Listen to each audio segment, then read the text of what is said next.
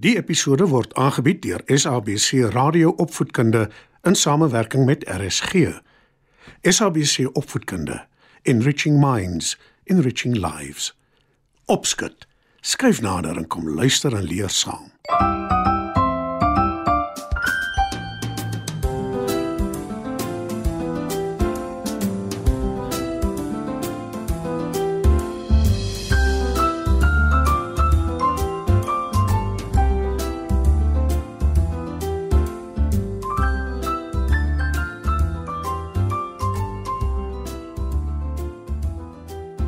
Goeienaand maats. Welkom by Opskud. Niemand hou van 'n boelie nie, nie waar nie? Party van julle het al seker met boelies te doen gehad.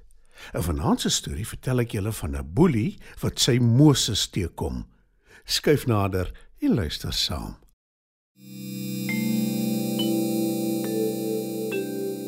Daar was eendag 'n jong olifantbul met die naam Kasparus. Dis wat sy mamma hom gedoop het. Hy bly op 'n wildsplaas in die Hoedspruit omgewing. Op 'n dag gaan Kasparus versigtig na die tuin van die eienaar van die wildsplaas se huis om te kyk of daar iets lekkers is om te eet. Kasparus was eers deel van 'n groep jong olifantbulle, maar nadat hy met almal van hulle baklei het en moeilikheid opgetel het, het die groep hom uitgeskop en hy is nou op sy eie. Hy is nie bang vir enige iets of enige iemand nie. Dis wat hy gereeld vir homself en ook vir enige ander dier wat wil luister sê. Dit is al amper donker toe hy stadig en ligvoets nader aan die huis beweeg. Hy gaan staan by 'n groot venster en kyk in die huis in. Die hele gesin wat daar bly, sit in televisie kyk. Daar vertoon 'n fliek met 'n onverskrokke man. Sy naam is Rambo En Kasparus kan dadelik agterkom dat die man ook nie bang is vir enige iets of enige iemand nie. Van nou af is my naam Rambo. Bulder Kasparus. En niemand beter met my moeilikheid soek nie. Kasparus, of liewer Rambo, vertel oor al die diere wat hy teekom van sy nuwe naam. Hulle skud maar net hulle koppe want hulle is gewoond aan sy vreemde gedrag.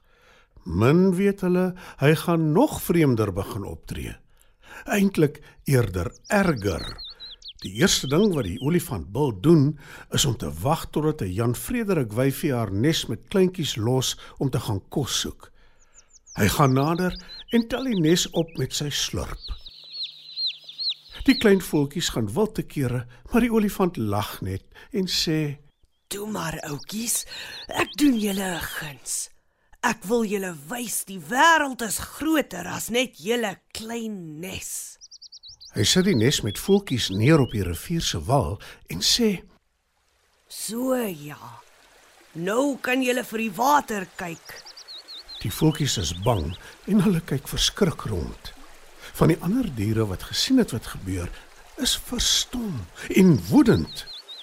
Rooibok, wat self 'n mamma is, raas met die olifant. Anja Kasperus. Hoe kan jy so iets aan die onskuldige voeltjies doen? Hulle kan hulle self nie help nie.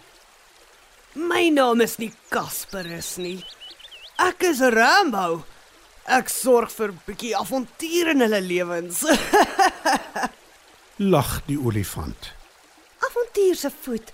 Jy maak hulle bang. Raas rooibok. Maar die olifant steur hom nie daaraan nie. Al wat hy sê is: "Ag, toe nou rooibok. Dis net 'n poets. Dis glad nie so erg nie." Kasparus, wat nou Rambo is, stap weg. Hy swai sy slurp, skud sy ore en trompeter hard. En hy soek na nog katte kwaad om aan te vang. Maar maats, eintlik is dit nie katte kwaad nie. Hy het die klein voeltjies geboelie want hy's baie groter en sterker as hulle en hulle kon niks daaraan doen dat hy hulle nes skuif nie al wou hulle dit glad nie gehad het nie. Die arme ouetjies gaan erg te kere. Hulle mamma is nêrens in die omtrek nie, maar daar is heelwat ander voëls wat hulle wil help maar hulle kan nie die nesie terugdra tot in die boom nie. Al wat hulle kan doen is om die klein Jan Frederickies te troos en saam met hulle te wag totdat hulle mamma terugkom. Rambo rig intussen nog skade aan. Hy skop 'n muursoop stikkend en toe die mure laat spaander, lag hy te lekker. En toe trek hy sy slurp vol water en spuit dit in 'n haas se tonnelhuis onder die grond. En toe die haas uitgehardloop kom, raas sy. Ag nee, Kasperus. Nou is my huis onder water. Weet jy hoe lank dit gaan vat om droog te word? Waar moet ek intussen bly, hè? En weer reageer Rambo met: Ag, toe nou haas. Dis net 'n poets. Dis glad nie so erg nie. Die olifant weet hy's groter as enige van die ander diere in die bos. Hy raak al hoe gemeener. Hy gryp Apie se kos uit sy hande wat hy vir sy sussie wou vat en gooi dit op die grond. Toe trap hy dit fyn en flenters en lag daaroor. En toe Apie klaar, sê hy weer: Ag, toe nou Apie, dis net 'n poets.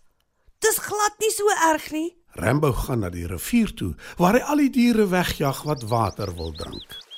Roep hy en trompeter hard. Krokodil bekyk die storie en dreig. Oppas. Ek byt jou aan die slurp, dan sal ons sien hoe sterk is jy. Maar Rambo lag net en sê: Jy moet eers naby my kom. En sodra dit gebeur, tel ek jou op en smyt jou tot deur aan die ander kant in die groot doringboom. Krokodil wyfel 'n oomblik. Maar toe blaas hy maar liewer die aftog. Die olifant loop verder in moeilikheid soek toe hy die Jan Frederikkie se mamma na hom toe aangevlieg sien kom. Sit dadelik my nes terug in die boom. Roep sy. Die olifant kyk uitdagend na haar en sê: En as ek nie wil nie, Dan help al die voëls in die bos my en ons pik jou vel totdat dit stikkend is. Daar is skielik 'n hele klomp voëls om hom en Rambo besluit om liewer nie die kans te vat nie. Hy gaan sit die nes terug in die boom. Maar die voëls en die diere in die bos weet dat hy nie gaan ophou om hulle te boelie nie. Hulle kom bymekaar om aan 'n plan te dink om die olifant vir eens en vir altyd op sy plek te sit. Na lang beraadslaging het hulle die perfekte plan en hulle besluit om dit sommer dadelik in werking te stel. Rooibok gaan roep die olifant. Kasperus, ag, ekskuus tog, Rambo. Ons diere hou 'n kompetisie en ons wil hê jy moet ook meeding. Jy weet ek gaan wen, né? Want ek is die grootste en die sterkste van julle almal. Spog die olifant en hy volg die rooibok na 'n hoë boom toe. Bo in die mik van die boom is daar 'n pot. Die een wat die pot uit die mik kan kry, is die wenner.